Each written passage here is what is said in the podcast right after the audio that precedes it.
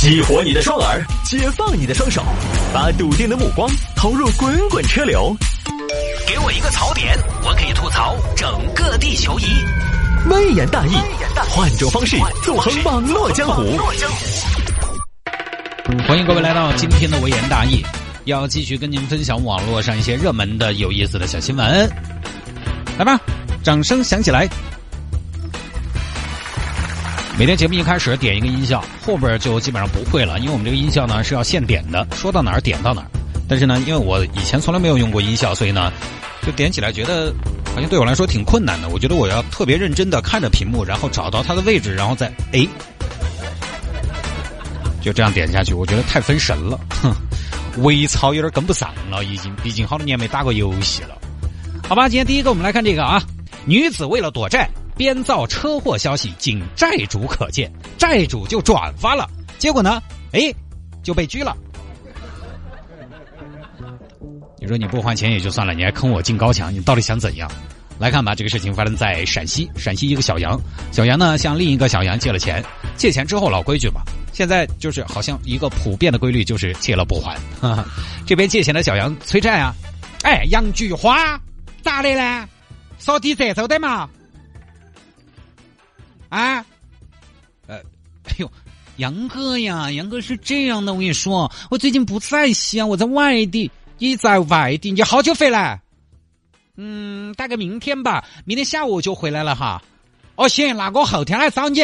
哎，你给我把钱比起，准备好哈。哎，杨菊花嘛，大家都姓杨嘛，我也不想为难你，但是你也不要为难我，我这搞得搞得紧用钱，好不好？放心吧，杨哥，我什么人你不知道啊，真是。我就是晓得你是啥子，我才有点虚的嘛。你这个人，那等你回来再说嘛。啊，行行行，再见啊！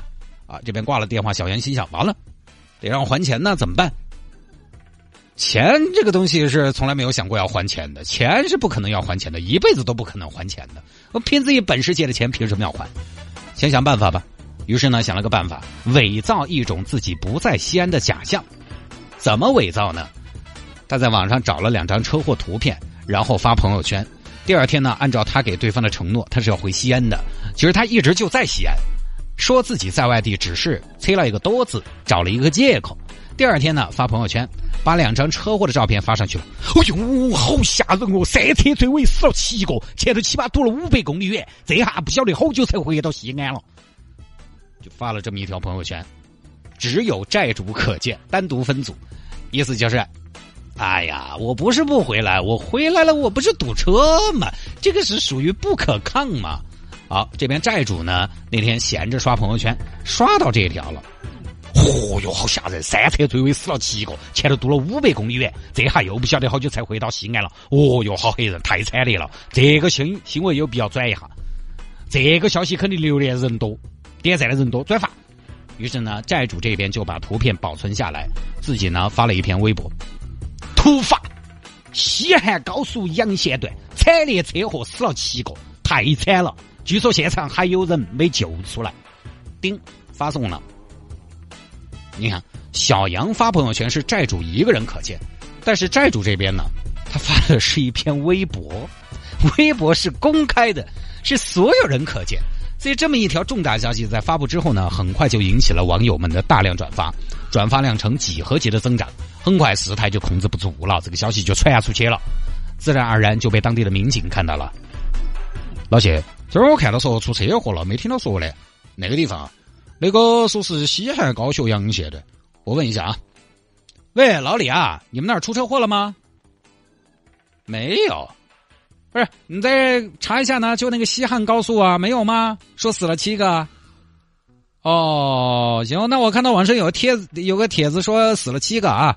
啊，好，知道了，知道了，谢谢啊，好，再见啊，老王，那个应该是个假消息，好，确认是假消息，假消息呢是要处理的，各位就找到了发微博的债主杨某，这儿我要说一下，这个债主呢，从姓名和籍贯看起来，应该跟这个借钱的小杨是兄妹关系，他们是一个地方的，而且就是名字看起来也很相似，债主是小杨的哥哥，小伙子没听说过吗？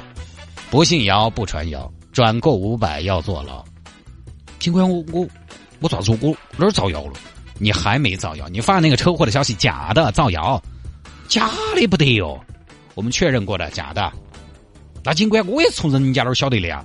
从哪儿啊？我从我妹儿的朋友圈看到的。那我们找你妹啊，把妹妹找过来。小姑娘，你们哥前两天发了一条新闻，说是出了车祸，死了七个。怎么样？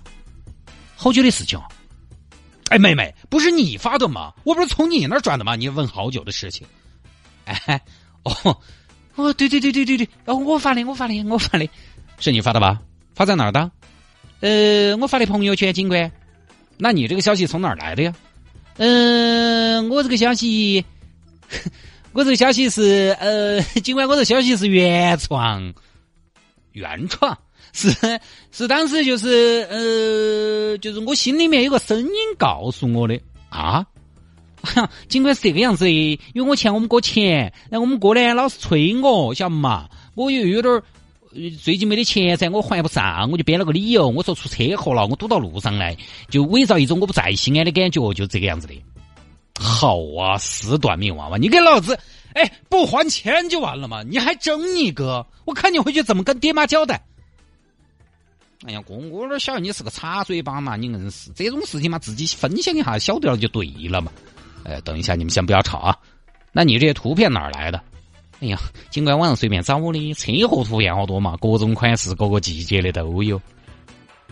你不知道造谣是要付出代价的吗？那尽管我没造成啥子后果的嘛，我只跟我哥看了，我屏蔽了其他所有人的精准营销啊！啥子啊？你居然单独把我分一组？我是你哥，手机拿来，我看一下你给我分的什么组。手机拿过来，快点！微信打开，什么组？你还把我分组？我看看，这什么组？瓜娃子，你把我分到瓜娃子组，而且瓜娃子组就没别人了，就我一个人呢，为我量身打造的呀，只有我配得上这个分组是吗？哎，好好，两位不要吵了啊！小姑娘，我跟你说，你这个要不得哈，以后不要这样了，你这个消息会给大家带来恐慌，给我们开展工作带来很大的麻烦。我跟你说，造谣一张嘴嘛，辟谣跑断腿。你这样一发，我们还需要人来核实、来辟谣，而且关键辟谣还不一定效果好。有些网友可能还不一定信，觉得我们政府是不是存在瞒报的情况，影响政府的公信力？你是会带来严重后果的呀。那么根据你的行为呢？呃，是这样，按照我们的法律啊，根据你的行为呢，念你是初犯，这这次就算了，下不为例。哎，警官，我妹都没事那我是不是也可以死了？哎，你走到，你不一样哈。警官，我有啥不一样？我又没编造消息，我只是转发，我小手一抖，两分到手。因为你这个转发呢，因为你发到微博的，你造成了严重后果，你才是把这个假消息扩大的重要环节，而且你是在微博这个公开平台，所以这个样子嘛，呃，你呢不是假消息的源头啊，那就行政拘留七天嘛？不是吧，警官？他是假消息的始作俑者，他没事儿，我。就是转发一下，我拘留七天，呃，是这个样子的。就最后是债主行政拘留七天，小杨批评教育，就等于没事儿呗。批评教育，谁长这么大还没接受过批评教育啊？真是，我就觉得这个最后处理的还是有点跟我们想象的不一样啊。当然，我们作为媒体来讲，也不太好去干涉这个司法公正啊。但我们会认为说，不知者不罪嘛。债主这边也是转发的，他没有主观恶意，尽管他可能带来一些后果，但是呢，我觉得既然转发的人有问题，那这个消息的源头是不是也应该有问题，也应该进行处罚？怎么就放了呢？但是在这个案例当中，假消息的源头，你看他就是造谣者只是批评教育，而转发的人被拘留了七天，可能我就在想，是不是考虑的就是转发的量造成的影响？所以啊，各位现在网上看到一些消息啊，一定要多方核实一下再转发。尤其很多东西你发到群头的，你可能有的时候自己看一下，发到自己的朋友圈，可能人数呢不是很多的话呢，也不一定形成那种大规模的传播。但是如果你在群里头发，哎，就很有可能把这个假消息扩大了。尤其是涉及到一些什么突发事件呐、重大事故啊、负面消息的，一定要核实再转发。现在网上的东西，经常有的东西是断章取义的，有移花接木的，眼见的都不一定为实。